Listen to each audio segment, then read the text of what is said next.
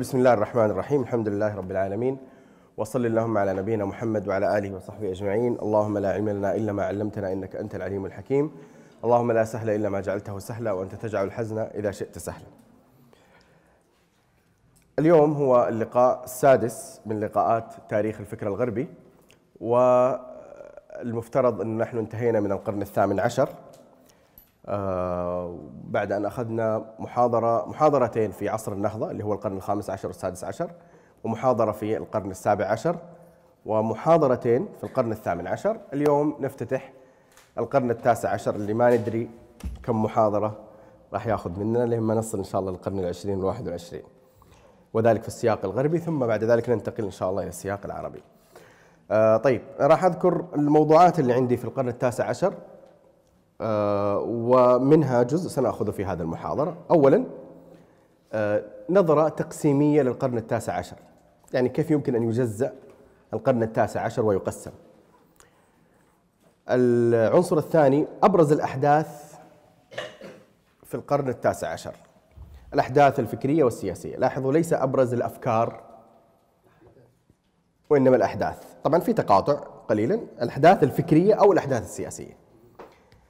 الأحداث الفكرية أقصد التي نشأ عنها مثلا حزب أو تيار أو مذهب هذا أقصد أحداث آه، فكرية. أما أفكار لا أفكار فشيء تفصيلي راح يجي إن شاء الله. العنصر الثالث أبرز الأعلام في القرن التاسع عشر إجمالا. نعدهم يعني منهم. العنصر الرابع السمات العامة للقرن التاسع عشر. العنصر الخامس الاتجاهات الفكرية الكبرى في القرن التاسع عشر. العنصر السادس الدين والإلحاد في القرن التاسع عشر. العنصر السابع الثورة آه، العلم التجريبي في القرن التاسع عشر. العنصر الثامن عرض أفكار الشخصيات الأبرز في القرن التاسع عشر. وغالبا هذا من هذا العنصر راح يكون في المحاضرة القادمة. اللي هو هنا العرض التفصيلي الشخصيات اللي أخذناهم إجمالا راح نأخذهم تفصيلا. كل واحد خلاصة أفكاره وخلاصة فلسفته. العنصر التاسع العلوم الاجتماعية. في القرن التاسع عشر. العنصر العاشر القومية العنصر الحادي عشر الوضعية المنطقية العنصر الثاني عشر الديمقراطية العنصر الرابع عشر النزعة العلموية العنصر الخامس عشر الاستشراق العنصر السادس عشر الاستعمار. آه، الديمقراطية بعدين إيش؟ النزعة العلموية. آه في عنصر آه، ما انتبهت له الماركسية. الماركسية الاستشراق الاستعمار. آه ومثل ما أنتم سامعين يعني الموضوعات كبيرة جدا. آه أنس يعني. طيب. تقسيم القرن التاسع عشر. التاسع عشر هذا القرن آه ليس قرنا متوحد المعالم. تقريبا القرن الثامن عشر اللي أخذناه هو من أكثر القرون تماسكا في الملامح العامة له لو تذكرون. اللي هو عصر التنوير. عصر التنوير كان عصرا آه، متحد السمات تقريبا. له عنوان واحد له مؤثرات واحدة. آه، متأثر بصرامة منهجية واضحة. عصر العقل هو الذي يؤسس لفعالياته. وفي الجانب العلمي التجريبي كان للتو العالم لا يزال مستيقظا من الانبهار بنيوتن وما أتى به نيوتن وتكلمنا عن تأثير تأثيرات آه، النظريات النيوتنية على بقية العلوم. وكيف أنه صار العالم يبحث عن الاستقرار في النظر للأشياء والآلية والميكانيكية ليس فقط في الفيزياء وإنما حتى في الاقتصاد وفي الأمور الاجتماعية وما إلى ذلك. آه، القرن التاسع عشر يختلف. هذه السمة الحاكمة لعصر التنوير فقدت أو بدأت تضرب وخاصة في فرنسا ابتداء من من الثورة الفرنسية ابتداء من الثورة الفرنسية. الثورة الفرنسية 1700 وكم؟ 89 1789 الثورة الفرنسية كان من المتوقع أنها تتوج عصر التنوير بنفس الشعارات التي كان يدعو لها وبنفس الأمنيات الحالمة التي كان يرجوها. وتذكر أن من ألقاب عصر التنوير عصر التفاؤل وعصر السعادة وكان كل شيء يعني يتوقع أن يحدث نحو الأفضل وكانت متوقع انه الثورة الفرنسية خلاص تحقق هذه الأحلام التي كانت موجودة. الذي حصل انه الثورة الفرنسية نعم أحدثت قطيعة مع الماضي نعم دمرت آه، النظام الذي كان سائدا في فرنسا على الأقل في قضية الحكم والطبقات وما إلى ذلك ولكن لم تأتي بالوعود الحالمة التي بشرت بها التي بشر بها عصر التنوير وإنما أدت إلى فوضى وقتل ودماء وتذكرون تكلمنا عن حكومات متتالية يعني أمسكت بزمام الأمور في فرنسا. ثم أتبع ذلك بمجيء نابليون. نابليون كان واحد من القادة في آه، واحدة من الحكومات الثورية التي جاءت بعد الثورة الفرنسية. وبعد ذلك بدأ عصر نابليون. واستمر ربع قرن تقريبا أو آه، يعني تقريبا 20 سنة ربع قرن استمر عصر نابليون. هذا عصر نابليون كان مزيد أيضا من الحروب ومن القتال أيا كانت إذا فسرت من جهة فرنسا بأنها يعني حروب آه، قومية تبعث على المجد فهي من جهة النظر الأوروبية هي حروب حروب آه، حروب استعمار. حروب آه، إعادة رسم خارطة أوروبا وبالتالي لم تكن فترة مستقرة آه، على المستوى الشعوري والأدبي والثقافي إيش اللي تكلمنا عنه كان موجود الثورة الرومانسية اللي هي أصلا ضد الصرامة التي كانت موجودة في عصر التنوير أليس كذلك؟ وذكرنا في المحاضرة الماضية أنه أصلا الثورة الفرنسية من أسبابها إيش؟ الانقلاب على جمود عصر التنوير وعلى آثار عصر التنوير. طيب هذا الحال استمر تقريبا إلى منتصف القرن التاسع عشر. يعني ليس إلى منتصف القرن بالضبط ولكن النصف الأول أو الثلث الأول من القرن التاسع عشر بشكل عام لم يكن عصرا مستقرا لم يكن زمنا مستقرا كان زمنا مضطربا جدا. أما النصف الأخير أو النصف الثاني من القرن التاسع عشر فهو نصف يختلف آه، طبعا الاستعمار هو من جهة آه، هو طبعا الاستعمار هو نتيجة أصلا ترسخ أشياء في أوروبا. يعني يعني الاستعمار هو نتيجة أو واحد من نتائج أو خلينا نقول واحدة من أسبابه هو القوميات اللي كانت موجودة في أوروبا. استعار حملة القوميات بين الدول الأوروبية كان من أسبابه الانتقال للاستعمار الآخرين.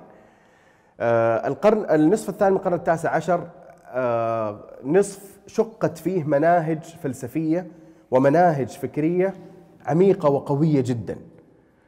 وظهر هناك ظهرت هناك آثار علمية وآثار فلسفية عميقة جدا امتدت إلى القرن العشرين بل بعضها امتد إلى اليوم. وسنأخذ إن شاء الله الأسماء التي تؤيد ذلك.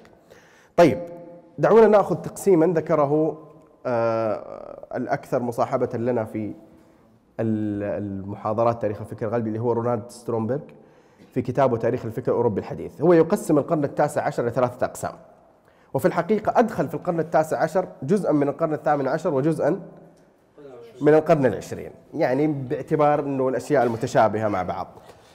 فقال أولا صباح هذا القرن. صباح هذا القرن. ويمتد من عام 1789 إلى عام 1832 من تاريخ الثورة الفرنسية 1789 إلى عام 1832 قال ولربما حتى عام 1848 1848 إيش كان فيه؟ اللي هو إيش؟ ثورات الشعوب الأوروبية اللي هي كانت من أكبر الثورات اللي مرت على على أوروبا على الإطلاق هذا صباح هذا القرن. طيب سماته على كلام سترومبرغ الحروب الاضطرابات في الميدان السياسي ثورة فكرية أخلاقية جديدة وهو العصر الرومانتيقي والثوري. على المستوى الثقافي والأدبي والملامح الفكرية العامة عصر الرومانسي طبعا تكلمنا عنه في المحاضرة الماضية. وعلى المستوى الطابع العام أو المستوى السياسي هو عصر إيش؟ ثوري. رموزه ذكر مجموعة من الرموز منهم الشعراء الرومانسيين ومن أبرزهم من ناحية الفلسفة هو هيجل. هذا مجمو... آه هذا الرموز في الصباح الأول أو في الصباح في الثلث الأول هو صباح هذا القرن. الثاني القسم الثاني ظهر هذا القرن وذلك في منتصفه. السمات يقول سترومبرغ يعود الهدوء إلى الربوع تتوفر الفرص للناس ليصبروا الأغوار لكن الشكوك لا تختفي والتوترات تبقى على حالها غير أن المرحلة الفكتورية تشهد استقرارا نسبيا. جيد. مرحلة استقرار مرحلة خروج من فوضى مرحلة تطلع للجديد للبحث عن مناهج جديدة. ولذلك ولذلك من أشهر المناهج في القرن التاسع عشر هو ما يعرف بالوضعية المنطقية. يعني بات الناس يبحثون عن ليس عن أفكار وليس عن فلسفات وإنما عن مناهج مناهج مناهج تضمن لهم التقدم نحو الأفضل مع تجاوز المشكلات الحروب وآثارها وما إلى ذلك. طيب من هم رموز ظهر هذا القرن على كلام سترومبرغ؟ كونت أوغست كونت كارل ماركس داروين وجون ستيوارت ميل هذول كل واحد منهم كلهم شخصيات مهمة جدا وراح ناخذهم بالتفصيل إن شاء الله في العناصر القادمة. المرحلة الثالثة أو القسم الثالث هو غروب هذا القرن ويمتد من 1885 حتى 1914 اللي هو تاريخ إيش؟ الحرب العالمية الأولى. 85 1885 إلى 1914 السمات يقول كانت مرحلة خصبة جاءت بغلة موفورة من المفكرين المدهشين بعمق أفكارهم. أخذوا يريدون ميادين ميادين من الفكر لم يعرفها البشر قبل ذلك. يسبرون أغوارا مرعبة لم يعرفها البشر من قبل. كما أنها مرحلة حملت, حملت معها التجهم والغموض إلى أن رجفت الراجفة بأوروبا. إلى أن رجفت الراجفة بأوروبا اللي هي بالحرب العالمية. طب من هم رموز هذا الغروب أو الثلث الأخير؟ نيتشه. آه ما أدري ماكس فيبر. آه لسه أينشتاين. فرويد. وبرغسون اي تقريبا هؤلاء أهم الرموز في هذه المرحلة. طبعا أينشتاين راح يجينا إن شاء الله ما تخاف. فرويد نيتشه. وماكس فيبر. طبعا باقي رموز آخرين كما ذكرت. هذا الذي ذكرهم الآن هنا رونالد سترومبرغ في المرحلة الأخيرة من مرحلة من مراحل القرن التاسع عشر. طيب. آه، أيضا يقول سترومبرغ يقول النصف الأول من القرن التاسع عشر كان أشد وأغزر الأزمان ثورية في التاريخ. كان أشد وأغزر الأزمان ثورية في في التاريخ. لأنه اجتمع فيه ال ال اجتمعت فيه أولا آثار الثورة الفرنسية ثانيا نابليون وحروب نابليون ثالثا الثورات الشعبية اللي حصلت في منتصف القرن. فاجتماع هذه الأمور الثلاثة جعل ذلك القرن من أكثر القرون ثورية. طيب أبرز الأحداث الفكرية هذا العنصر التالي أبرز الأحداث الفكرية والسياسية في القرن التاسع عشر إجمالا بدون تفصيل. أولا حروب نابليون ثانيا الثورة الرومان التوثيقية أو الرومانسية. ثالثا التحولات الاجتماعية الطبقية. رابعا ثورة عام 1848 خامسا الثورة الداروينية. سادسا الثورة الصناعية. سابعا النزعة العلموية. ثامنا القومية. تاسعا الاستعمار عاشرا الاشتراكية حادي عشر ديمقراطية. إي بس ماشي محاور بس لكن هي أيضا أحداث. أغلبها في المنتصف الثاني من القرن التاسع لكن هي ليس فقط في المنتصف الثاني من القرن التاسع عشر. كثير منها بدأ من بدأ من الثلث الثاني من القرن التاسع عشر. يعني مثلا جذور الاشتراكية بدأت من من الثلث الثاني من القرن التاسع عشر. ليس مع ماركس وإنما قبل ماركس. آه، داروين نفسه يعني هو أخرج كتابه تقريبا في 57 أو 58 لكن قبل ذلك 20 سنة هو يكتب الكتاب والرحلة التي رحلها قبل ذلك في تعتبر في الثلث الأول من القرن الثامن عشر التاسع عشر. وبالتالي في في تمازج نوعا ما. طيب آه ناخذ بعض التفاصيل عن هذه الأحداث ممتاز؟ طيب نبدأ بمين؟ حروب نابليون اولا مقدمة آه، من كتاب التاريخ المعاصر أوروبا للدكتور عبد العزيز نوار يقول ورث نابليون عن حكومة الإدارة، إيش حكومة الإدارة؟ بعد الثورة الفرنسيه، واحدة من الحكومات اللي مسكت بالضبط. ورث نابليون عن حكومة الإدارة مجتمعا فرنسيا حطمته ومزقت وشائجه عشر سنوات من الثورات الداخلية والحروب الخارجية وعدم الاستقرار السياسي. سيطرت فيها الشهوات والأحقاد سالت الدماء غزيرة فقد الأمن ساد العنف والإرهاب انهارت القيم والمفاهيم القديمة بما فيها من تراث خلقي وديني واجتماعي. جيد؟ طيب آه نابليون على المستوى الشخصي دخل في السلك العسكري مبكرا لذكائه وقدرته العسكرية الواضحة. صار يترقى في المناصب العسكرية حتى أخذ رتبة عسكرية عالية في وقت وزمن يسير جدا. آه كان له دور في بعض الأحداث في مرحلة ما بعد الثورة الفرنسية أكسبته شعبية إلى أن صار أحد الضباط الكبار جدا أو أحد الممثلين أصلا للحكومة الفرنسية اللي بعد الثورة الفرنسية. أه قبل أن يذهب إلى مصر إلى مصر عام 1998 ذهب إلى واحد من الحروب التي خاضها ضد إيطاليا. أه وخاض حروب ضد النمسا. نشأ عنها معاهدات أو معاهدة. هذه المعاهدة جعلت أو ضمت إلى فرنسا مزيد من الأراضي مما أكسبه مزيد من الشعبية والاعتبار في داخل فرنسا. آه عاد نابليون إلى وطنه كبطل كبطل قومي كبطل قو وطني عظيم. آه بعد ذلك ذهب إلى فرنسا. طبعا الذهاب عفوا إلى مصر. الذهاب إلى مصر حملة لم تكن حملة عسكرية عادية كانت حملة آه، تحمل وراءها عدد من الأهداف. طبعا هذا سيأتينا بالتفصيل في عنصر الاستعمار إن شاء الله. لكن هناك أسباب متعددة أسباب متفاوتة جعلت نابليون يذهب إلى مصر. واحد منها هو الصراع مع بريطانيا بل هو واحد من الأسباب الأساسية. واحد منها هو مزيد من الاكتشافات مزيد من نهب الثروات مزيد من السيطرة على الشعوب. و آه، عموما هناك أسباب كثيرة جدا سنذكرها إن شاء الله في وقت الاستعمار. كانت عام كم؟ الحملة على مصر؟ 1798 بعد جلس طبعا في في مصر أربع سنوات تفاصيل إن شاء الله ستأتي. يعتبر هزم أمام المقاومة المصرية. آه، خرج من مصر توجه إلى الشام عكا.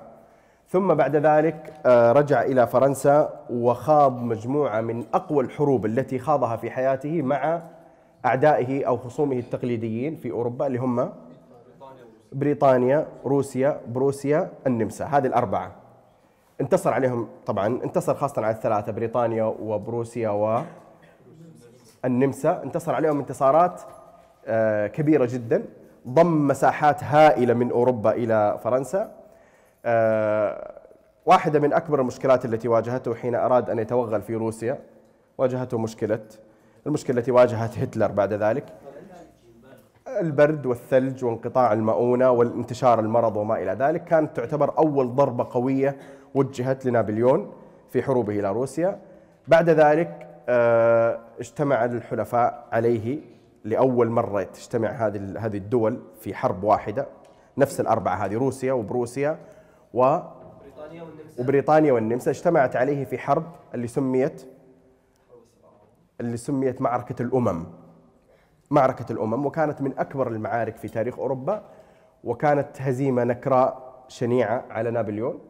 قتل فيها أعداد هائلة من الناس وأسر فيها نابليون ونفي وبعد سنة هرب من المنفى ورجع مرة ثانية إلى فرنسا وقاد جيوشه مرة أخرى على أمل أن يعيد انتصاراته ثم هزم في معركة أخرى كانت قوية وقاسمه وقاسية أيضا على إثرها أسر ونفي إلى جزيرة أقرب دولة أو أقرب يابسة من هذه الجزيرة تبعد 2000 كيلو. جيد هي سايرة بين أفريقيا والبرازيل الجزيرة هذه فنفي فيها من عام 1815 تقريبا إلى وفاته. كم هو توفي؟ 1822 آه، نفي في تلك الجزيرة إلى أن مات. طبعا هذه الحروب آه، يمكن أن تقرأوا عنها بشكل تفصيلي في كتب التاريخ. يعني عندنا مثلا قصة الحضارة. قصة الحضارة اللي ما كان موجود قبل طيب. آه قصة الحضارة. آخر مجلدين. في الكتاب سماها ديورانت عصر نابليون. هذه مجلدين سماها عصر نابليون. طبعا ما يتكلم فقط عن نابليون لكن لأنه السم الأبرز أو لأنه من أهم المؤثرات فسماها عصر نابليون. ممكن من أراد أن يتوسع يقرأ في هذا الكتاب أو في غيره. عموما المراجع عن نابليون كثيرة جدا جدا. آه بل ذكرت أعداد أنا أعتقد أنه فيها نوع من المبالغة عدد الدراسات التي كتبت عن نابليون. طيب إيش الآثار التي نشأت عن الحروب النابليونية في أوروبا في فرنسا وفي أوروبا؟ إيش اللي صار؟ اللي نقدر نقول انتهت 1815 15 سنة. هو من قبل لا وين 15 سنة؟ من قبل ما يذهب إلى مصر هو خايض الحروب معه. طيب. في نص جميل يصف حال أوروبا وليس فقط فرنسا بعد الحروب النابليونية أيضا من سترونبرغ في كتابه تاريخ الفكر الأوروبي الحديث ماذا يقول؟ يقول هدم نابليون النظامين القديمين في كل من ألمانيا وإيطاليا ونشر البدع والتجاديد الكاسحة في كل مكان وطئته سنابك جحافله والآن بعد هزيمة الثورة وقائدها العظيم هل أصبح بالإمكان أن تعود أوروبا إلى النظام القديم؟ وتعتبر جميع الأحداث بعد عام 1989 كأنها لم تقع ولم تحدث يقول سترونبرغ حتى أشد الرجعيين تطرفا لم يكن يخطر في باله أنه أوروبا سترجع إلى ذلك النظام. جيد. وإذا لم يعد بإمكان أوروبا أو بإمكان الناس أن يعودوا إلى النظام القديم فما الذي ينتظرهم مستقبلا؟ يعني لم يعد بإمكانهم أن يرجعوا للنظام القديم الذي كان قبل الثورة ولا إلى النظام الجديد الذي أتى به نابليون. فما الذي ينتظرهم بعد ذلك؟ يقول وهكذا وجدت الناس في أوروبا قاطبة يشعرون بالحاجة إلى سبر الأغوار واستكشاف المجاهيل بغية إيجاد نوع من اتجاه وخط سير. فأوروبا بدت يوم ذاك كأنها تندفع إلى هوة من خواء فاغر فاه. أوروبا القديمة ماتت وهذا واقع لا ريب فيه. عشرة قرون من مدنية طواها التاريخ صفحات وسطورا. وقد فشلت أوروبا الجديدة أخلاقا وجسدا ابتداء بحكم الإرهاب بعد الثورة ومرورا بالانقلاب النابليوني أو أو البونابارتي وانتهاء بهزيمة نابليون بعد حروب طويلة ومرعبة. وصف برأيي أنه بليغ جدا جدا وجميل عن حالة أوروبا بعد الحروب النابليونية التي تريد أن تبحث أو تبحث عن شيء جديد شيء يطوي لها الم أو شيء يعوضها عن الذي الشيء الذي كانت عليه قبل الثورة والشيء الجديد الذي كان ممنيا وبشر ولم يحقق لها النتائج. طيب من الآثار التي ظهرت بعد ذلك؟ بعد حروب نابليون ظهور القوميات. ظهور القوميات في أوروبا. يقول سترونبرغ ظهرت القومية في أعقاب محاولة نابليون فرض هيمنة فرنسا على أوروبا. بل حتى الفلاسفة المتمحضين في الفلسفة هيجل مثلا اللي كان في نفس المرحلة هيجل كان يرى أن كل أمة في تلك المرحلة حتى تنهض يجب أن تعتمد على القومية. يعني كانت أوروبا بشكل عام تتجه إلى قضية القومية وسيأتينا إن شاء الله كمان تفصيل عنها لاحقا. أيوة أيوة. الدين مع نابليون أيوة هو هو كان ينتقد حالة الفردية والتفككية التي نشأت عن الثورة الفرنسية. وكان يرى أن الدين ضروري لقيام الدولة. هو في ذاته لم يكن متدينا لم يكن متدينا ولم تكن لديه رغبة ذاتية في قضية الدين. وإنما كان يرى للنظام الاجتماعي أو للنظام السياسي أنه يجب أن يكون الدين وأن الدين مكون أساسي في أوروبا فيجب عدم إهماله. ولذلك سعى لعقد الصلح مع الكنيسة وأن يكون لها اعتبار. نعم ليس نفس الاعتبار السابق ولكن يكون لها اعتبار بالإصطلاح مع الدولة. وفعلا عقدت معاهدة تقريبا 1801 آه، مع الكنيسة الكاثوليكية ونشأ عنها اتفاق أنه آه، رجال الدين لهم حق ممارسة التدين بصورة علنية في فرنسا. ولكن مع اعتراف الكنيسة بقانون الأملاك الذي صدر عن الثورة الفرنسية الذي صودرت فيه أراضي الكنيسة وما إلى ذلك فصار من الطرفين من هنا ومن هنا. ولكن في ذلك الوقت تم إعادة الاعتبار للكنيسة بعد أن سقط اعتبارها بعد الثورة الفرنسية.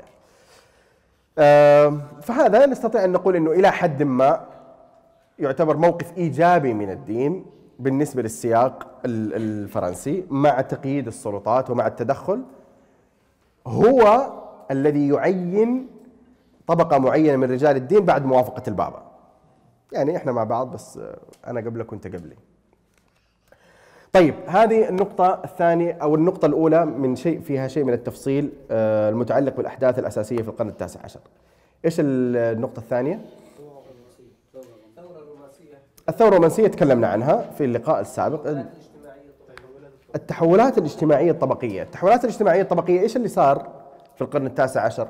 وهذه قضية مهمة جدا طبعا.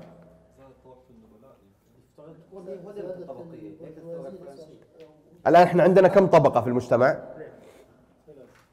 عندنا ثلاث طبقات.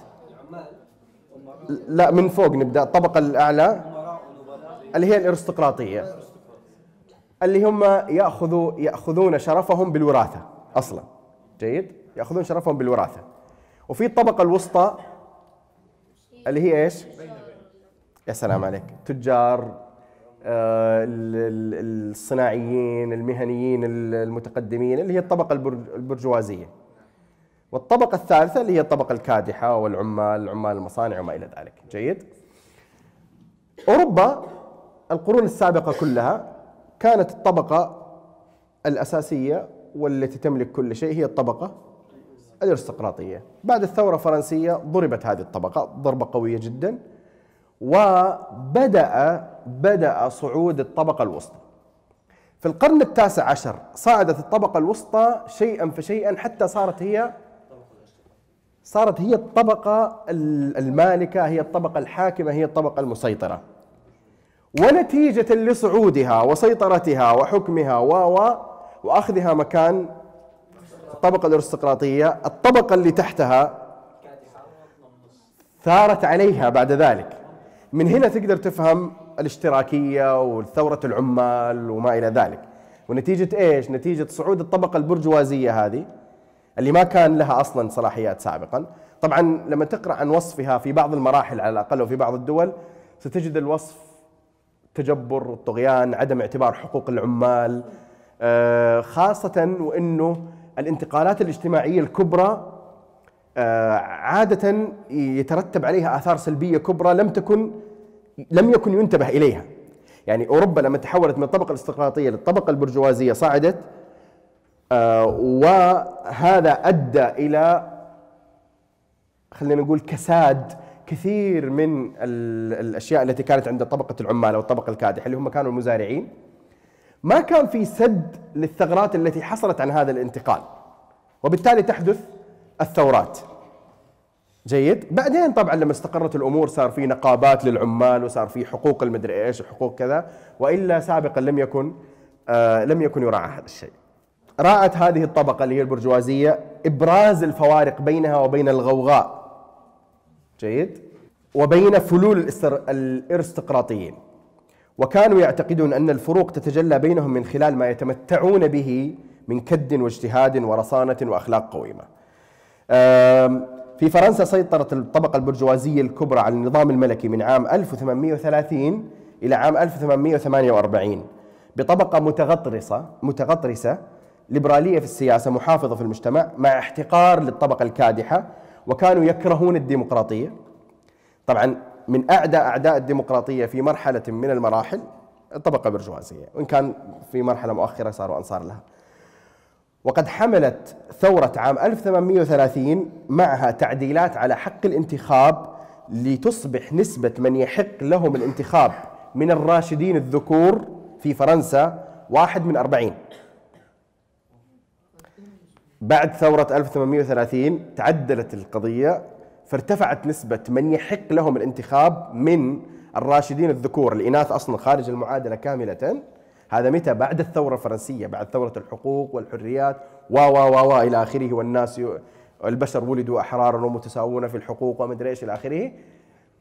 في عام 1830 صار واحد من أربعين يحق لهم الانتخاب بعد أن كان واحد من 75 بعد أن كان واحد من 75 طبعا آه، إنجلترا كانت سابقة يعني أحدثت تعديلات متعددة ودائما تتذكروا دائما كانت إنجلترا سابقة لفرنسا في قضية الاستقرار في قضية إلى آخره. طيب عموما يعني خلينا نقول هذا من أهم الأحداث التي حصلت في القرن التاسع عشر اللي هو إيش؟ تحولات الاجتماعية تحولات الاجتماعية. وإحنا دروسنا أو خلينا نقول محاضراتنا أو لقاءاتنا هي عن التاريخ الفكري وهذه قضية اجتماعية. بس بلا شك وبلا ريب إنه هذه القضية الاجتماعية لها أكبر التأثير على التاريخ الفكري.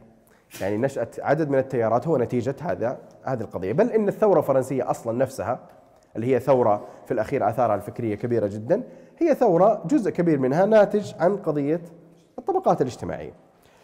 طيب آه، ثورة عام 1848 هذا من الأحداث أيضا وممكن الرجوع إلى هذا الكتاب للتفصيل لكن أشير بعض الإشارات آه، أيضا سترومبرغ يقول الحقيقة التاريخية تلزمنا بالاعتراف بأنه في عام 1848 كان المطلع أو إن لم نقل البشير بالانتصار المطلق للديمقراطية والاشتراكية معا.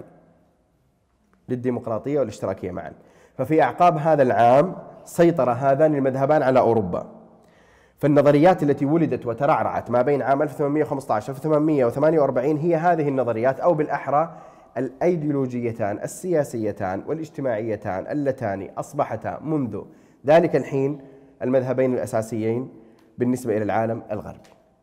العنصر أو مو العنصر النقطة الثانية من الأحداث إيش؟ التالية. ما أدري وين راح هذا النص لكن النص مهم جدا.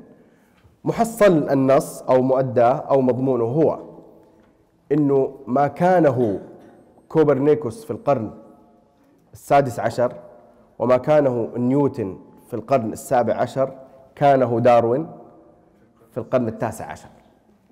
ما كانه آه، كوبرنيكوس في القرن السادس عشر وما كانه نيوتن في القرن السابع عشر كانه داروين في القرن التاسع عشر وبلا شك وبلا ريب إنه من أخطر وأهم الأحداث التي يشترك فيها القضية العلمية والقضية الفكرية هو ما أتى به داروين في القرن التاسع عشر من النظرية المعروفة بالنشوء والارتقاء. وسنخصص لها عنصرا خاصا بإذن الله عندما يأتي الحديث عن داروين. طيب الاستعمار أيضا من الأحداث الكبرى التي حصلت في القرن التاسع عشر. آه، سترومبرغ يقول كانت المرحلة القومية مرحلة انطلاق المدنية الغربية إلى غزو العالم وإخضاع القارتين آسيا وأفريقيا لسيطرة أوروبا العدوانية. عندنا 1830 استعمار. أول شيء 1798 استعمار مصر 1830 الجزائر 1858 الهند استعمار بريطاني للهند 1881 تونس 1882 مصر. وبعد ذلك في بداية القرن العشرين إيطاليا استعمارها لليبيا وفرنسا للمغرب. هذا هذا القرن التاسع عشر. المفترض أنه أوروبا خارجة من آه، مجموعة من التصحيحات الفكرية المتعلقة بالدين والقيم وما إلى ذلك. آه، ولكن في الحقيقة الذي غلب على أوروبا في القرن التاسع عشر هو ترسخ القومية والمفاخرة بها واستجلاب الأمجاد القومية الماضية التاريخية حتى إن بعض الرموز الفرنسيين أو غيرهم من الرموز الأوروبيين الذين لم يكن يذكرهم أحد خلال قرون أعيد إحياؤهم في القرن التاسع عشر في سياق التنافس القومي. هي اوروبا شيخنا مش هي يعني قوميه واحدة اوروبا؟ لا. قومية أقصد فيها الدول الآن. غير الجنسيات آه يعني وطنية قصدك فرنسي وألماني وحتى إي إي إي إي بس يعني هي أصلا الدول متشكلة بهذا الاعتبار في القرن التاسع عشر فالاستدعاء هذا استدعاء المجد الفرنسي استدعاء استدعاء المجد الألماني أو البروسي استدعاء المجد الإيطالي. آه، أمجاد روما القديمة لما إيطاليا هذا هذا المقصود. وتشكلت دول بناء على هذه القوميات. فهذا هذا الذي نتج أو هذا من أبرز أسباب نشاه بعد ذلك الاستعمار. هي هي في في سياق المنافسة بين هذه القوميات لتحقيق ال- الأمجاد والمكاسب. طيب العنصر التالي ما هو؟ العنصر الثاني أبرز الأعلام. أبرز الإعلام أو الرموز الفكرية والسياسية في القرن ال- التاسع عشر، إحنا نركز على العناصر الفكرية أو الأعلام الفكرية. من هم؟ ذكرناهم طبعا قبل قليل. هيجل نيتشه ماركس داروين برجسون فرويد بس في ناس ما ذكرهم آه، شو اسمه ما ذكرهم سترومبرغ في في النص اللي ذكرناه غير اللي ذكرناهم على مستوى مين كان من أشهر الملحدين في القرن التاسع عشر؟ لا رسل في القرن العشرين. اوغست كونت ذكرناه فيورباخ. ومين علماء الاجتماع في القرن التاسع عشر؟ وأيضا ماكس فيبر. طيب بس ذكرنا ماكس فيبر بس دوركايم ما ذكرناه. طيب آه هؤلاء هم أبرز الأعلام في القرن التاسع عشر. الاتجاهات الفكرية الكبرى في القرن التاسع عشر في السمات العامه السمات العامة أنا أعتبر إني ذكرتها في في الأقسام في البداية يعني في بعض في بعض السمات الأخرى هذا النص اللي النص اللي ذك... اللي كنت أبحث عنه ذكره برتراند راسل في تاريخ الفلسفة الغربية يقول عفوا أنا قلت كوبرنيكوس وقال ما كانه غاليليو ونيوتن بالنسبة إلى القرن السابع عشر كانه داروين بالنسبة إلى القرن التاسع عشر. طيب آه خلينا ننتقل اللي بعده الاتجاهات الفكرية الكبرى في القرن التاسع عشر. إيش الاتجاهات الفكرية الكبرى؟ الاشتراكية. والقوميه القومية. الإلحاد. لا فكرية فكرية. اتجاهات فكرية. الليبرالية. لا. الوجودية كظهور في القرن العشرين كظهور ك ك كتيار يعتبر سمة من سمات القرن. أيضا النزعة العلموية الوضعية المنطقية الوضعية المنطقية من أهم التيارات أو الاتجاهات الفكرية في القرن التاسع عشر. راح نتكلم عنها بتفصيل بإذن الله تعالى. في من الاتجاهات اليسار الهيجلي. هيجل اليسار الهيجلي. هيجل آه، هيجل كان من أكبر الشخصيات في القرن التاسع عشر. كان مؤثرا جدا والعجيب أنه اللي تأثروا به آه، تياران مختلفان تماما. تيار اليمين وتيار اليسار. تيار اليمين محافظ جدا وتيار اليسار منفلت وثوري جدا. أبرز شخصية في التيار الهيجل اليساري من؟ ماركس. ماركس تلميذ هيجل. جيد. آه مع إنه هيجل ترى لم يكن في رسالته بالنسبة لموقفه من الدين لم يكن معاديا للدين. لم يكن معاديا للدين. وإن كانت بعض أقواله أو كثير من أقواله تؤدي إلى إلى إشكال ديني وفلسفته صعبة جدا وفيها يعني فيها أشياء متداخلة تؤدي إلى إشكالات دينية. لكن ورث عنه آه، ال- ال- الكثير من أفكاره التيار اليسار الهيجلي اللي هو كان أبرز من اليمين. والذي كان حملته أكثرهم من الشباب. لذلك بعضهم يسميهم أصلا الشباب الهيجليين أو تيار اليسار الهيجلي. وكان هو من الاتجاهات الكبرى أو الأساسية في القرن التاسع عشر. عندنا مثلا كان اليسار الهيجلي أبرز التيارات شهرة واثرا في أوروبا في القرن التاسع عشر ومعظم العشرين وأكثرها تطرفا ضد الدين. و طيب عندنا ثلاث تيارات. هذا واحد من النصوص في قضية التيارات المؤثرة في القرن التاسع عشر للدكتور حسن أسمري في كتاب النظريات العلمية الحديثة. نجد ثلاث تيارات عرفها القرن التاسع عشر. اليسار الهيجلي وأصحاب الدراسات الجديدة حول الدين والفلسفة الوضعية اللي هي الوضعية المنطقية. آه، الدراسات الجديدة حول الدين إحنا تكلمنا في القرن الثامن السابع عشر عن نقد الدين صح؟ اللي هو إيش كان أبرز شخصية؟ لا في السابع عشر. لا فولتير في الثامن عشر. أبرز شخصية في السابع عشر في النقد المركز للدين. لا توماس هوبز كان ال الوحيد الذي وصف بالإلحاد في القرن السابع عشر. في القرن السابع عشر لا يكاد أحد معروف من المفكرين أو الفلاسفة يوصف بأنه ملحد. إلا توماس هوبز على إنه كما ذكرنا سابقا هل هو ملحد أو ليس ملحدا؟ نقاش طويل جدا. هو له نصوص يقول أنا لست ملحدا. سبينوزا. سبينوزا كان أقوى وأكبر من نقد الدين في القرن السابع عشر. آه لم يمر على التاريخ الغربي من قرون طويلة أحد نقد ال- ال- الكتاب المقدس مثل ما نقده سبينوزا. وذكرنا أنه نقده للكتاب المقدس كان من طريقين. طريق إيش؟ بالضبط. طريق الثبوت وطريق الفهم وأتى بقضية تاريخية وأنه الكتاب المقدس ولو كان ثابتا فإنه لا يفهم بسياق الامتداد وإنما يفهم بالسياق التاريخي وأنه كثير من التفسيرات التاريخية التي جاءت بعد ذلك في القرن التاسع عشر والعشرين مستندة أو مستفيدة بشكل أو بآخر إلى سبينوزا.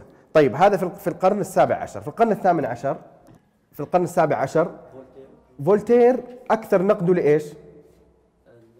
لرجال الدين. جيد. مين اللي نقد ال- ال- ال- المنظومة الاستدلالية للدين ولرجال الدين. اثنين هيوم وكانت. أبرز من نقد الدين في القرن الثامن عشر هيوم وكانت. هيوم نقده لم يكن للدين فقط وإنما كان لكل منظومة عقلية تحاول أن تستدل على شيء غيبي أو ديني. ولذلك كان هيوم هو من هو من أهم أسباب سقوط التيار الربوبي الذي لم يكن يعترف بال- بالدين أصلا. ولكن لأن التيار الربوبي كان يستند في إثباته لوجود الله على العقل كان هيوم الذي حارب المبادئ العقلية وشكك في مبدأ السببية وحارب المطلقات العقلية بشكل عام هو من أهم أسباب سقوط التيار الربوبي الذي كان مرشحا له أن يكون البديل عن عن الدين في القرن الثامن عشر. كان التيار الربوبي هو المرشح أن يكون البديل عن الدين في القرن الثامن عشر. وكان فولتير من أكبر أنصار التيار الربوبي.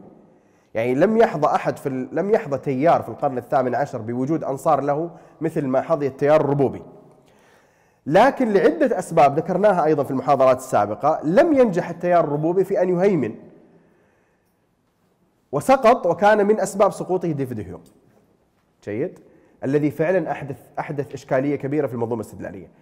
جاء كانت محاولا إعادة التوازن نوعا ما وإعادة الاعتبار للقضية العقلية. فقال نعم المبدأ السببية صحيح والإنسان يولد ولديه مسلمات عقلية ولديه بعض القوالب العقلية التي ينظم بها المدخلات الحسية ولكن لا يستطيع الإنسان بهذه المبادئ العقلية ان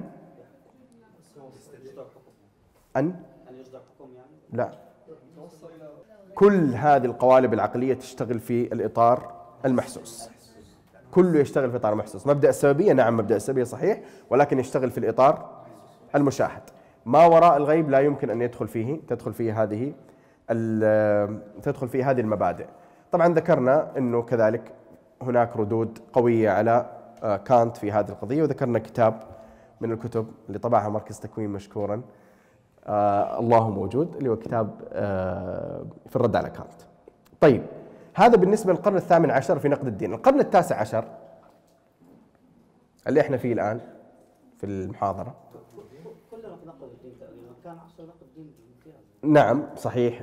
تيارات متعددة نقدين طيب إذا إذا ركزنا وقلنا نقد الدين باعتبار نقد الدين النصراني النقد العلمي المنظم اللي هو يتناول ثبوت الكتاب المقدس وما إلى ذلك ومن أخبار ال- أخبار الدين الأخبار التي جاء بها الكتاب المقدس. طبعا لا ننسى أيضا ذكرت سابقا ديفيد هيوم كان من أكبر الأسباب أو من أكبر الموضوعات التي نقدها إيش؟ تتذكروا؟ المعجزات. وكان كانت محطة يعني كانت نقطة فاصلة في نقد هيوم. يعني كانت إنكار المعجزات. الكتاب الذي كتبه في إنكار المعجزات كان نقطة فاصلة في السياق الديني. بالنسبة للقرن التاسع عشر مين اللي كان مشهور بنقد الدين؟ كثير. لا ليس هيجل أبدا. هيجل هيجل إذا تبغى تصنف تقول آه، تيارات نقدت الدين أو شخصيات نقدت الدين هيجل ليس منهم. أغلبهم من تيار اليسار الهيجلي الشباب الهيجليين. ماركس ومجموعة ومجموعة الشباب الهيجليين. هذول تفرغوا للنقد النقد ال- ال- الدين نقدا علميا. طبعا عفوا لما جاءت آه، نظرية داروين ربطت مباشرة ب بهذه الحلقة بهذه الحلقة اللي هي حلقة نقد الدين. وكان إذا اعتبرنا إنه نقد الدين مر بمراحل كان منها مثلا آه، مثلا آه، خلينا نقول قوانين نيوتن التي توصل بها إلى الاستغناء عن محاولة النظر الغيبي إنه خلاص الكون مفهوم منظم يسير بطريقة آلية ميكانيكية ما في حاجة إنك تثبت معجزات أو تثبت تدخل إلهي كما يقولون مع إنه نيوتن نفسه كان مؤمنا ايمانا قويا وكان يستدل بهذا التنظيم على وجود المنظم ولكن استبعدت هذه الأقوال من نيوتن وأبقيت الفكرة الأساسية الميكانيكية الآلية. آه، حتى لابلاس هو كان مع نابليون طبعا لما لما كان يكلموا عن بعض النظريات فكان نابليون نص مشهور جدا. فكان حتى ذكر سترومبرغ وغيره. كان نابليون يقول له وأين الله عن في هذه المعادلة؟ فكان وتعالى الله عما يقول لابلاس يقول يعني لا حاجة لي أن أدخل الله أصلا في شيء من هذه المعادلات. يعني كانت هذه القضية الاستغنائية إنه لا يعني ترى خلاص ما في داعي. آه، ال- المكتشفات العلمية الجديدة لم تكن مشكلة. المكتشفات العلمية الجديدة. المشكلة هو في ربط بعض النظريات العلمية ربطا فلسفيا بمضاد مضاد أو بما يضاد الدين. يعني مثلا الآلية النيوتنية ليس فيها مشكلة. يعني ليس مكتشفا علميا يعارض نصا دينيا. وإنما المشكلة هي أن يربط ربطا فلسفيا. نعم هناك بعض المكتشفات العلمية كانت تعارض نصوص في الكتاب المقدس أو على الأقل تعارض النظرة الدينية الكنسية بشكل واضح. يعني مثلا مثلا من الأشياء التي اكتشفت في القرن التاسع عشر آه، ونشأ عنها علم جديد لم يكن موجودا سابقا اللي هو علم الجيولوجيا. علم الجيولوجيا ما كان موجود سابقا. وبالمناسبة داروين اعتمد اعتماد كبير متاثرا بالاكتشافات الجيولوجية. جيد؟ كان كان بدايته قبل داروين مباشرة. هذا يتعارض مع رؤية كنسية عن تاريخ الأرض. جيد؟ يتعارض مع رؤية كنسية عن تاريخ الأرض. يتعارض تعارض صريح. تعرفوا من الأقوال المشهورة في السياق الديني هو إنه عمر الأرض كم؟ 4000 قبل الميلاد.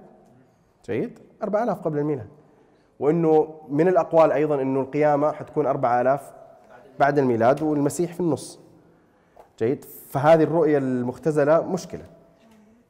آه سبحان الله دائما لما تجي في الإسلام ستجد إنه لما تأتي أشياء قطعية في السياق العلمي تريد أن تبحث عن شيء قطعي في الإسلام يتعارض معها ما تجد. مثلا في تاريخ الإنسان تاريخ وجود البشر على الأرض. جيد؟ أنت ما عندك نص في القرآن أو في السنة يقول لك أنه عمر البشر على آلاف أو أربعة أو سبعة آلاف سنة. في بعض الأقوال عن أقوال غير معصومة يعني أقوال ليست نبوية. يعني تعرفوا أثر وارد عن ابن عباس أو غيره بغض النظر صحته من عدم صحته. تحدد عمرا معينا قصيرا. آه البقاعي له تعليق جميل على سورة على آية الفرقان آية سورة الفرقان وعادا وثمود وأصحاب الرس وقرونا بين ذلك كثيرا. وقرونا بين ذلك كثيرا. المهم سوى كذا معادلة بسيطة توصل فيها إلى إنه هذا البقاعي تمام؟ نتكلم عن القرن التاسع تقريبا أو الثامن. توصل فيها لأنه متوقع إنه القرون التي عاشتها البشريه تقترب من مئة ألف سنة. جيد. مئة ألف سنة. فهذا عمر يعني يعتبر طويل. طيب وهو ليس شيء ليس يقينيا. لي- ليس عندك شيء نص شرعي واضح يقول لك إنه عمر إنه بدأت الحياة البشرية في الأرض قبل 7000 أو 10000 أو 50000 سنة. وبالتالي كان في يعني في في المساحة الإسلامية أو في في السياق الإسلامي مساحة من عدم التعارض أو من الاحتواء الذي يمكن أن يحدث لكثير من المكتشفات.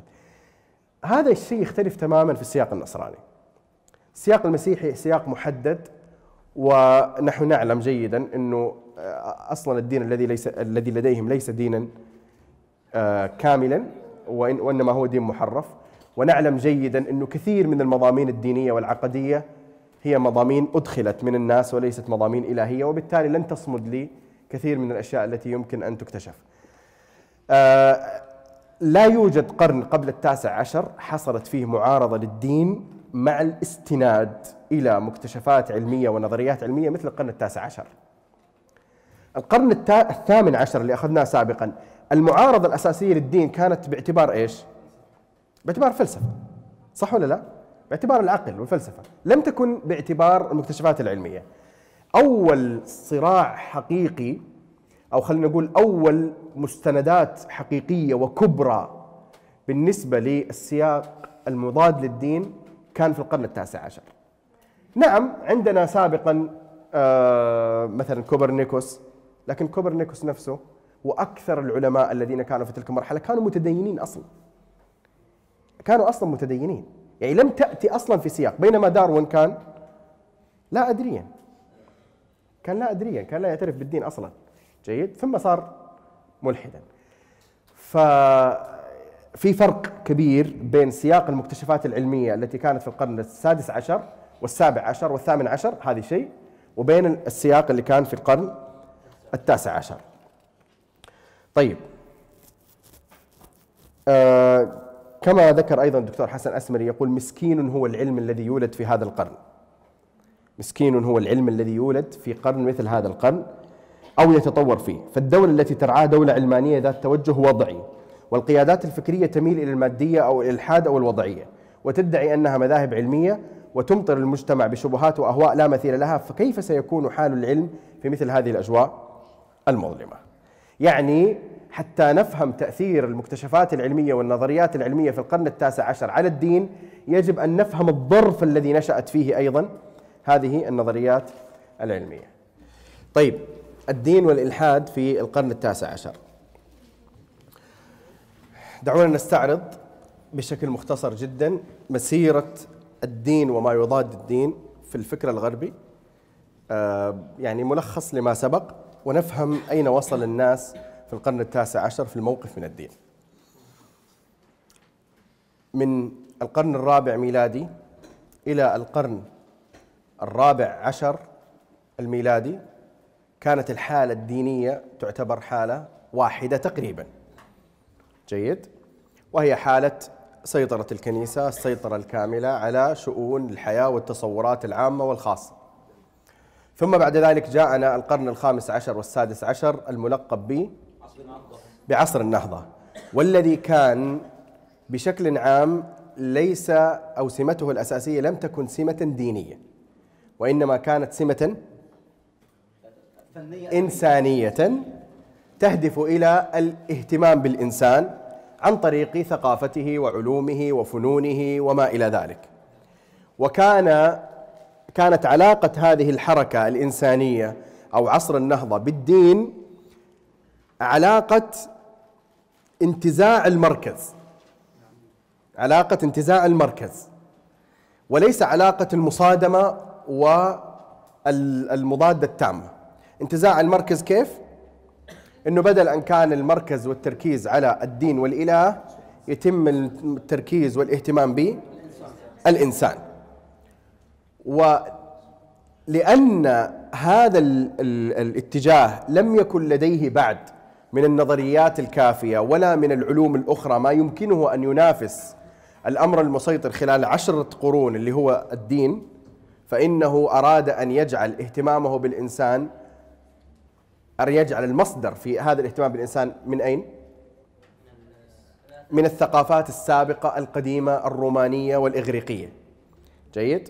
فحاول أن ينازع الدين أو المركز الكنسي ويعتمد في هذه المنازعة على الثقافات القديمة التي كانت أصلا موجودة وجاهزة حتى يخترع هو إيش؟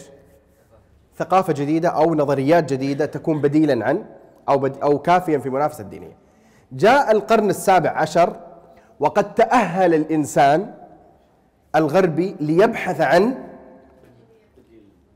ليس عن بديل ليس عن بديل. يبحث عن ما يغنيه بالتوازي مع الدين. خط جديد يشرعن له ينظر له يفلسف له ليس باعتباره مسيطرا أو تحت سيطرة الدين وليس باعتباره مضادا للدين وإنما باعتباره متوازيا مع الدين مستقلا عنه. واضح الفكرة؟ لأنه هذه مهمة جدا.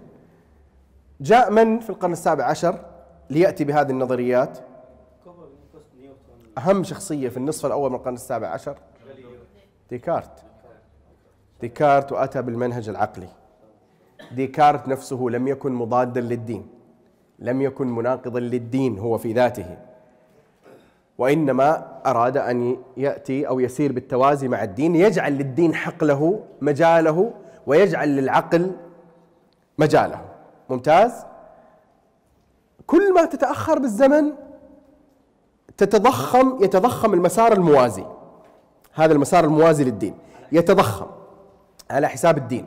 كل ماله يسحب البساط من الدين. النصف الثاني من القرن السابع عشر ليس مثل النصف الأول من القرن السابع عشر. النصف الثاني من القرن السابع عشر صارت المنافسة أكبر والمناهج التي يراد بها الاستغناء عن الدين تضخمت أكثر وأبرز اسم على هذا هذه المنازعة من؟ جون لوك. جون لوك. ومع ذلك ومع ذلك لم تكن رسالة جون لوك هي مناقضة الدين. أبدا. لم تكن هذه رسالته. بل بل إنه كان ممن يدافع عن معقولية المسيحية. عن معقولية المسيحية. جون لوك دخلنا القرن السابع عشر. التيار هنا أو المسار هنا بكل اتجاهاته واختلافاته وفلاسفته قد تضخم والدين هنا المسار قد تضاءل وانكمش وصار ضعيفا. لما جاء القرن الثامن عشر صار عندنا ليس فيلسوف معين ينظر أو اتجاه فكري معين ينظر صار عندنا قالب يحتوي الاتجاهات اللي هو إيش؟ قالب قالب التنوير والحداثة قالب التنوير تحديدا يعني عصر التنوير اللي هو قالب يحتوي عددا من الاتجاهات في داخله وهذه الاتجاهات في مجموعها منافسة للدين وفي نفس الوقت بدأت إيش؟ تعارض الدين بدأت تعارض الدين. قبل القرن الثامن عشر كان هناك معارضة للدين صح؟ لكنها بسيطة. لا ليست مركزية ليست قوية جدا موجودة متفرقة في بعض الفلاسفة. في القرن الثامن عشر نستطيع أن نقول إنه هذا التيار هذا المسار اللي هو تضخم كثيرا ويريد أن يأخذ المركزية هذا المسار بدأ يهجم على الدين هجوما استطاع به أن يجعل الهجوم هذا مؤثرا مؤثرا تاثيرا قويا. ولذلك نجد أن السمة العامة للقرن الثامن عشر هي سمة آه الابتعاد أو سمة ضرب المس... خلينا نقول المقدسات الدينية. وتذكروا تكلمنا عن أثر فولتير على آه نقد الدين نقد رجال الدين التيار الربوبي وأثره إلى آخره مركزية الإنسان ترسخها. هذا في القرن الثامن عشر.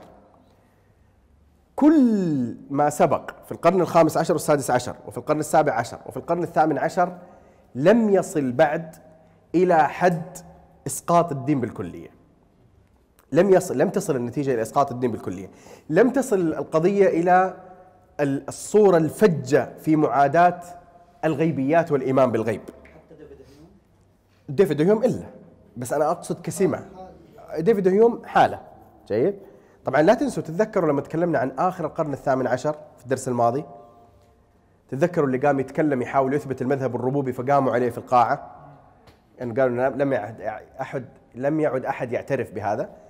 هذا كان مقدمة القرن التاسع عشر. القرن التاسع عشر نستطيع أن نقول وخاصة بعد الزمن الرومانسي لو تتذكروا الثورة الرومانسية قلنا إنها أعادت شيئا من الاعتبار للدين صح؟ تذكروا لما قلنا المشترك بين الثورة الرومانسية وبين العاطفة الدينية وإنها أعادت شيئا من الاعتبار. بعد ذلك نستطيع أن نقول إن هذا التيار الموازي للدين أو المعارض للدين قد وصل إلى حالة من التضخم وحالة من القوة بحيث أنه استطاع أن يكون هو الأغلب وهو المسيطر وهو الذي قطع في القرن التاسع عشر ما بقي من متعلقات في هذا المسار. قطع ما بقي من أسباب قوة.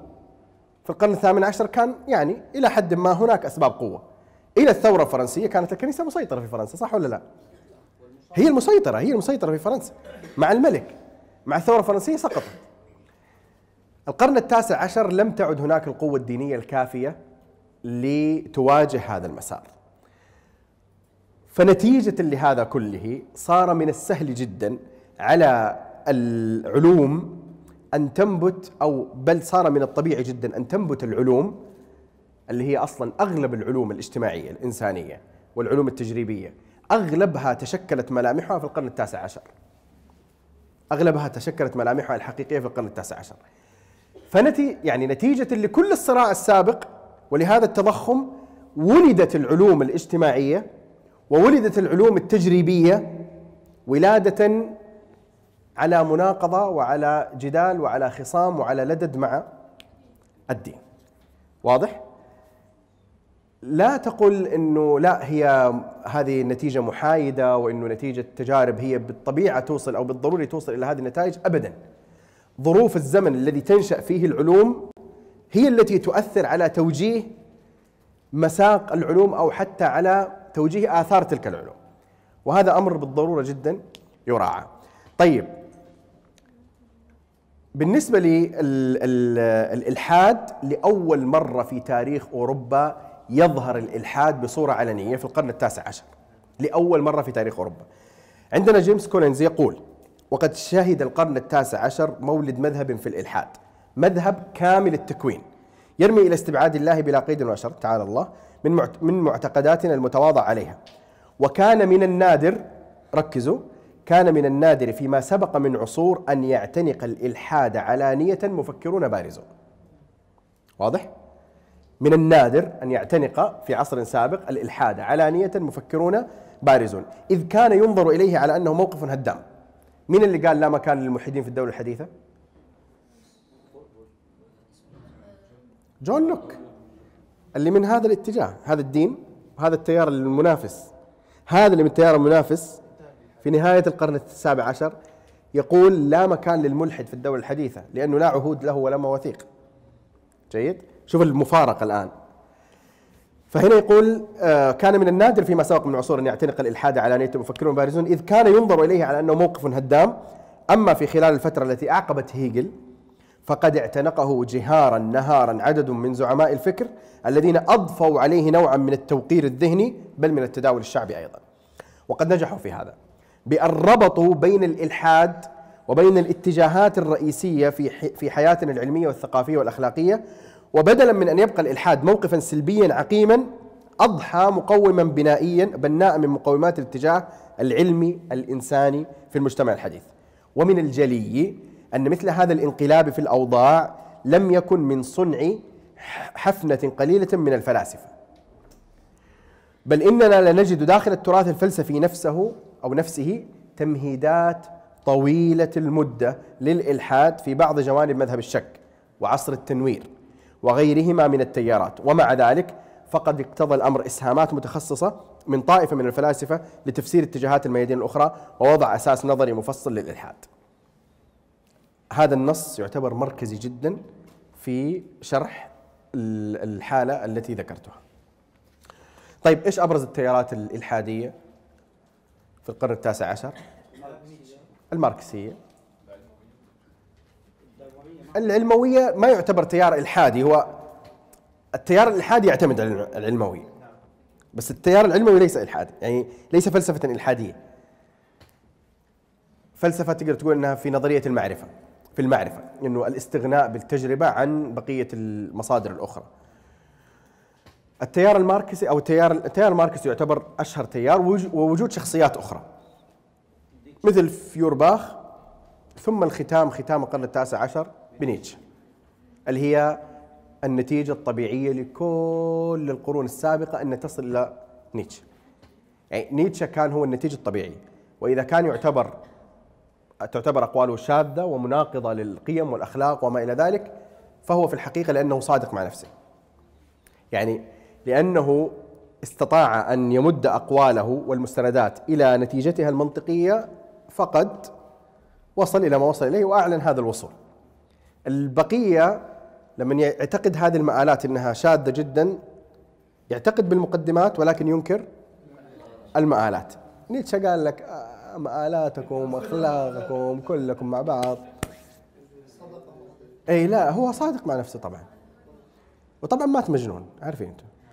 ابى أختم بعنصر أخير وليس حقيقة العنصر كامل وإنما فقط بنقطة معينة فيه. اللي هو العلم التجريبي في التا- في التاسع عشر صح؟ طيب. أيوة هذا آخر عنصر اليوم. العلم التجريبي في القرن التاسع عشر أول شيء في القرن الثامن عشر العلم التجريبي كيف كان؟ كان عصر المقدم فيه العلم. لا مو الأدب. القرن الثامن عشر يا جماعة المقدم فيه المعتبر ال... لا. العقل. العقل القرن الثامن عشر المعتبر والمقدم فيه هو العقل لا. طبعا هو. العلم في القرن العلم التجريبي زي ما قلنا إحنا ما نبغى نقول العلم ونخليه هو التجريبي فقط لا العلم التجريبي في القرن السابع عشر في نهاية القرن السابع عشر كان أقوى حضورا منه في القرن الثامن عشر يعني في بداية الثامن عشر ونهاية السابع عشر كان أقوى حضورا منه في منتصف القرن الثامن عشر. مع من كان قويا؟ نيوتن. اللي هو كان في القرن السابع عشر وبداية الثامن عشر. السمة التي عق- أعقبت نيوتن وإن كان بقي تأثيره في كل العلوم في كل شيء لكن السمة التي أعقبت نيوتن هي السمة العقلية. كانت آخر شيء فولتير أول شيء. جان جاك روسو على خلاف فلاسفة التنوير بشكل عام وديفيد هيوم وكانت هذا هذه السمة المشتركة بينهم ليست هي السمة العلمية التجريبية وإنما هي السمة العقلية. ممتاز. القرن التاسع عشر لا رجعت الأمور إلى إلى العلم التجريبي. آه نستطيع نقول هو إيش ال- إيش اللي صار؟ هو اللي صار أنه مو الثورة الصناعية. الثورة الصناعية تذكر الإنسان دائما ب أهمية العلم. المجتمع الغربي منذ أن أسقط الدين منذ أن أسقط الكنيسة يظل دائما يبحث عن البديل. جيد؟ حين يجد البديل في شيء يثق فيه يعطيه ثقله كاملا بعدين تأتيه صدمات هذه دائما في التاريخ الفكر الغربي. تأتيه صدمات تخليه يراجع نفسه فيرجع يبحث عن بديل آخر. يرجع يبحث عن بديل آخر. وتأتيه يمسكه تأتيه صدمة ويرجع مرة ثانية. وهكذا. آه، في في عصر التنوير العقل العقل العقل العقل. الحرية الحرية الحرية الحرية. الشعارات هذه. جات الثورة الفرنسية جات آثار الثورة الفرنسية. قال لك إحنا كنا غلطانين. هذه ما تكفي. ارجع يا ابن الحلال دور لك عن شيء جديد. ظهر المذهب الرومانتيكي أو الر- الرومانسي مضادا لهذه الصرامة لهذه الآلية لهذه الميكانيكية لهذه العقلية الجامدة. في القرن التاسع عشر آه لا رجعت الم... عفوا المكتشفات الصناعية كانت ساخنة ساخنة ساخنة متتابعة. لو تتذكروا في القرن الثامن عشر لما تكلم سترومبرغ قال إنه بإمكانك أن ترى السيارة والطيارة وما إلى ذلك تتشكل في رحم القرن الثامن عشر. لكن متى بدأت المكتشفات الصناعية الحقيقية تظهر؟ التاسع عشر. أكبر أو من أكبر الأشياء التي أحدثت تغيرا كبيرا خاصة على المستوى الاجتماعي هو أنه بدل ما كان يد صارت آلة. آه كان بقية أشياء يعني نيوتن مثلا فسر ما يتعلق بالكون بس باقي ما يتعلق به بالإنسان. بالإنسان. كان العلم الطبيعي لسه ما دخل في مجال الإنسان. جيد؟ جاء داروين قال لك حتى الإنسان حتى الإنسان يثبت العلم إنه هو آه، يعني يمكن أن يفسر تفسيرا كاملا عن طريق العلم الطبيعي والتجريبي بدون حاجة إنك تدخل أو تتكلم عن مكون غيبي أو مكون إلهي أو ما إلى ذلك. بالإضافة إلى اعتماده على العشوائية، لكن هي الفكرة إنه بغض النظر عن معتقده بغض النظر عن العشوائيه حتى فكرة إنه وجود قانون يفسر ظهور الأشياء ونشوءها كان مرتبطا عندهم بأنه هذا بحد ذاته مناقض للدين. الذي كان يرسم في مخيلتهم طريقة معينة للتدبير الإلهي للكون. تتعارض هذه الطريقة في التدبير الإلهي في الكون مع التفسير العلمي. فالكواكب كيف تدور؟ كيف تمشي؟ كيف تسير؟ الملائكة يدفونها. جيد؟ لما يأتيك بالحساب أنه لا والله في جاذبية وفي كذا ها في مشكلة أي في مشكلة الإنسان كذا كذا في نشأته ب- بالنظرة الدينية لما إنه لا تطور مباشرة تأتي الإشكالية في معارضته للدين. فالعلم التجريبي في القرن التاسع عشر مع تسارع الثورة الصناعية كان له الأثر في مزيد من نقد الدين ومزيد من التصورات ال- ال- في- في سائر شؤون الحياة. إلى أن جاءت ضربة قوية جدا ما بقول ضربة للعلم التجريبي في أساسه ولكن ضربة متعلقة بالوثوقية. ضربة متعلقة بالوثوقية في العلم التجريبي. الآن أغلب العلماء في علوم الطبيعة لمدة قرنين من الزمن كانوا يبصمون بالعشرة على كل ما جاء به نيوتن. جيد؟ حتى تأثيراته على الاقتصاد والاجتماع والى آخره. لما تبغى تغير تغييرات كبرى وتفقد الموثوقية فقط تضرب تضرب المسلمات اللي كانت موجودة في العلم النيوتني وهذا سيؤدي إلى فقدان شيء من الثقة فيما كان مسلما ومحل إيمان كبير. مع نهاية القرن التاسع عشر جاءت تجارب أثبتت أن ما أتى به نيوتن على الأقل في بعض مضامينه غير صحيح. فعندنا تجربة مورلي؟ نيكلسون مورلي. تجربة كانت في 1800 وأظن 89 87 في تسعينات في في ثمانينات القرن التاسع عشر هذه التجربة قاموا بها ليثبتوا شيئا من صحة الأشياء التي أتى بها نيوتن. أصل التجربة. النتيجة كانت أنه لا غير صحيح. جيد؟ كان في تصور عن الأثير و- وسط يمشي فيه الضوء وسط يمشي فيه الضوء. بهذه التجربة ثبت أنه ما في أثير. لا يوجد وسط جيد. آه طبعا اتهموا أنفسهم يعني صار في صار في معارضة كبيرة لهذه النظرية إنه لا إنه التجربة قد يكون فيها خطأ قد يكون فيها إشكال. ما أدري حتى أظن أعيدت التجربة أو شيء. وهي دقيقة جدا جدا. ممتاز. هذه هذه التجربة فعلا أحدثت ثورة وأنشأت هي وفي سياقها شيئا يسمى نقد العلم. نقد العلم. نشأ عندنا تيار فلسفي أو خلينا نقول مدرسة فلسفية أو رموز فلسفية تنقد العلم التجريبي آه هذه مثلا ممكن آه في كتاب الدكتور كتاب ممتاز كتاب الدكتور حسن أسمري كتاب مجلدين أكثر من ألف صفحة. النظريات العلمية الحديثة أظن وأثرها على السياق الفكري أو نحو ذلك تكلم فيه عن أثر هذه التجربة في السياق الفكري. وكيف أنه هذه التجربة أحدثت أولا حالة من عدم التصديق؟ نيوتن نيوتن. نيوتن اللي كان يحكم كل شيء. تأتي تجربة تضرب شيئا من أهم الأشياء التي بها نيوتن. إلى أن جاء أينشتاين. اي جاء أينشتاين. فما صار شيء واحد أو شيئين صار عندنا آه صار عندنا إشكال كبير في التسليم بال- بالمخرجات العلمية السابقة. لأن نيوتن كما تقدم معنا سابقا لم يكن مجرد عالم طبيعي ولم يكن مجاله الفيزياء فقط في العقل الغربي. كان مجاله هو كل شيء. طيب خلونا نسمع هذا النص. هذا نص من النصوص الجميل جدا الجميلة جدا في آه، رصد هذا الأثر. وأختم به للمحاضرة. طيب. حيكون لمين طبعا. سترومبرغ يقول وصف الفيلسوف الإسباني أورتيغا جاسيت النظرية النسبية بأنها أهم حدث عقلي في عصرنا الحديث.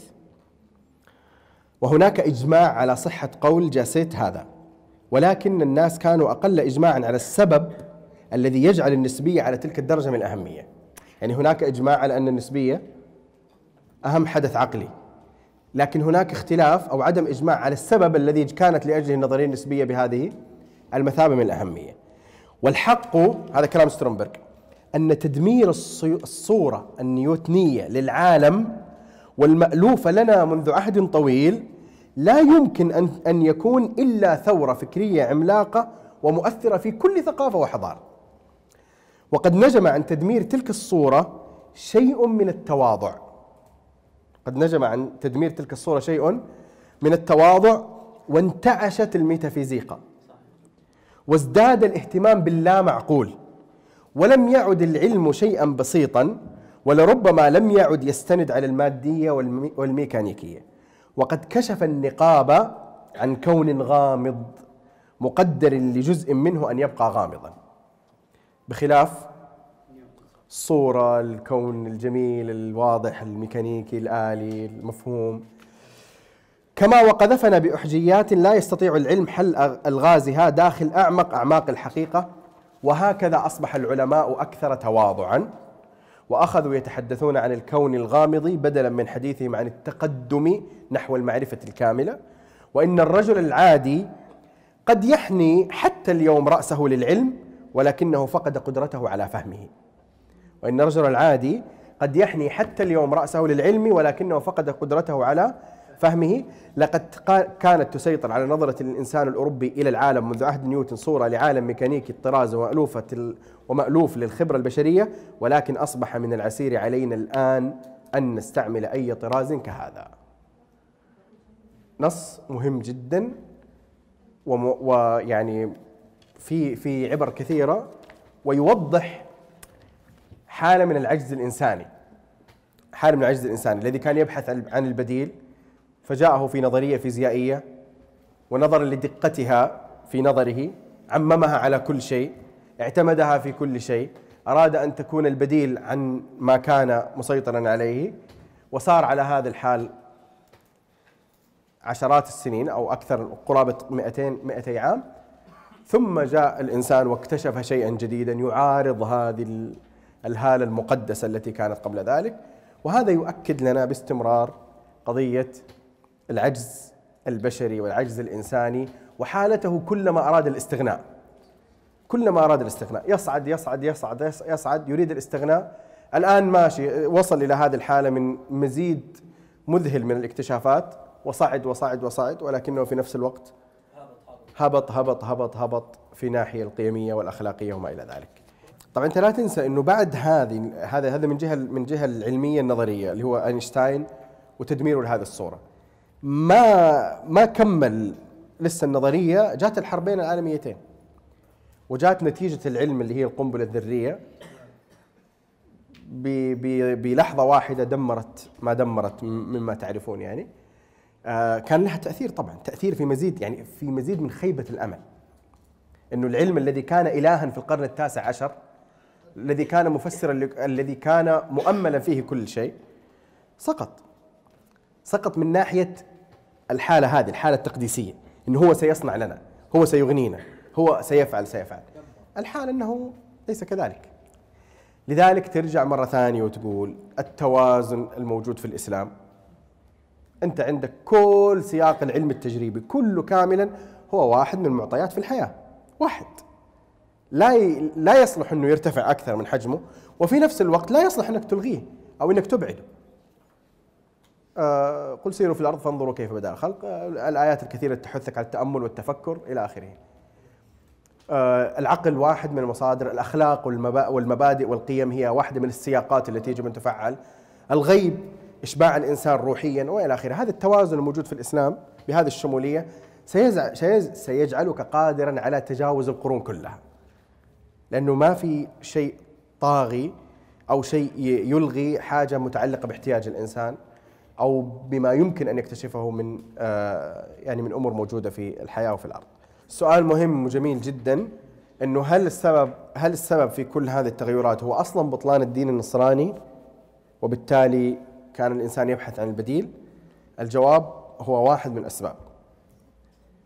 آه، لأن الدين الدين لا يشتغل في فضاء مجرد، الدين يحمله أناس. وهؤلاء الناس متى كانوا فاسدين هم في ذاتهم فإنهم يسيئون لنفس الدين حتى ولو كان صحيحا. فما بالك لو ما بالك لو كان أيضا الدين في إشكال. لذلك نحن اليوم لسنا في ساحة أو لسنا في منأى عن أنه تحدث مثل هذه المشكلات التي حدثت. إذا كان الذي يحمل الدين ليس أهلا وليس ممثلا حقيقيا للدين وإذا كان يطغى عليه تطغى عليه شهواته وآراءه وأهواءه وكان يطوع الدين لرغباته وأهواءه إلى آخره فإنه بطريقة أو بأخرى سيجعل الناس تنفر من هذا الدين الذي يحمله. لأنه في الأخير أخرجه عن كونه دينا حقيقيا إلى كونه آه، صورة بشرية مشوهة تستغل هذه هذه الحقيقة على حساب آه، ما يبحث الناس عنه من قيم مطلقة. فلذلك أخطر من يمكن أن يسيء للدين هم حملة الدين أنفسهم. هم هم أخطر من يمكن أن يسيء للدين. فهذا سبب. الثورة الفرنسية ليش صارت واحد من أهم الأسباب هي قضية ال- ال- الفساد السياسي الطبقية المجاعة الاقتصادية أو المشكلة الاقتصادية المتمثلة في المجاعة وما إلى ذلك. هذه هذه في الأخير مشكلات هي إنسانية موجودة في كل وقت. طيب ليش صارت صارت الثورة الفرنسية أيضا على الدين؟ لأنه الحالة السياسية كانت مرتبطة ارتباطا وثيقا بالدين أصلا. وبالتالي الثورة عليها الثورة عليها وعلى متعلقاتها ومن أهمها الدين. واضح؟ طبعا هم كلهم موفرين الغطاء لبعض يعني. فطبعا نحن اليوم نعيش حالة مشكلة حقيقة من ناحية تمثيل الدين. مش حقيقية حقيقية جدا.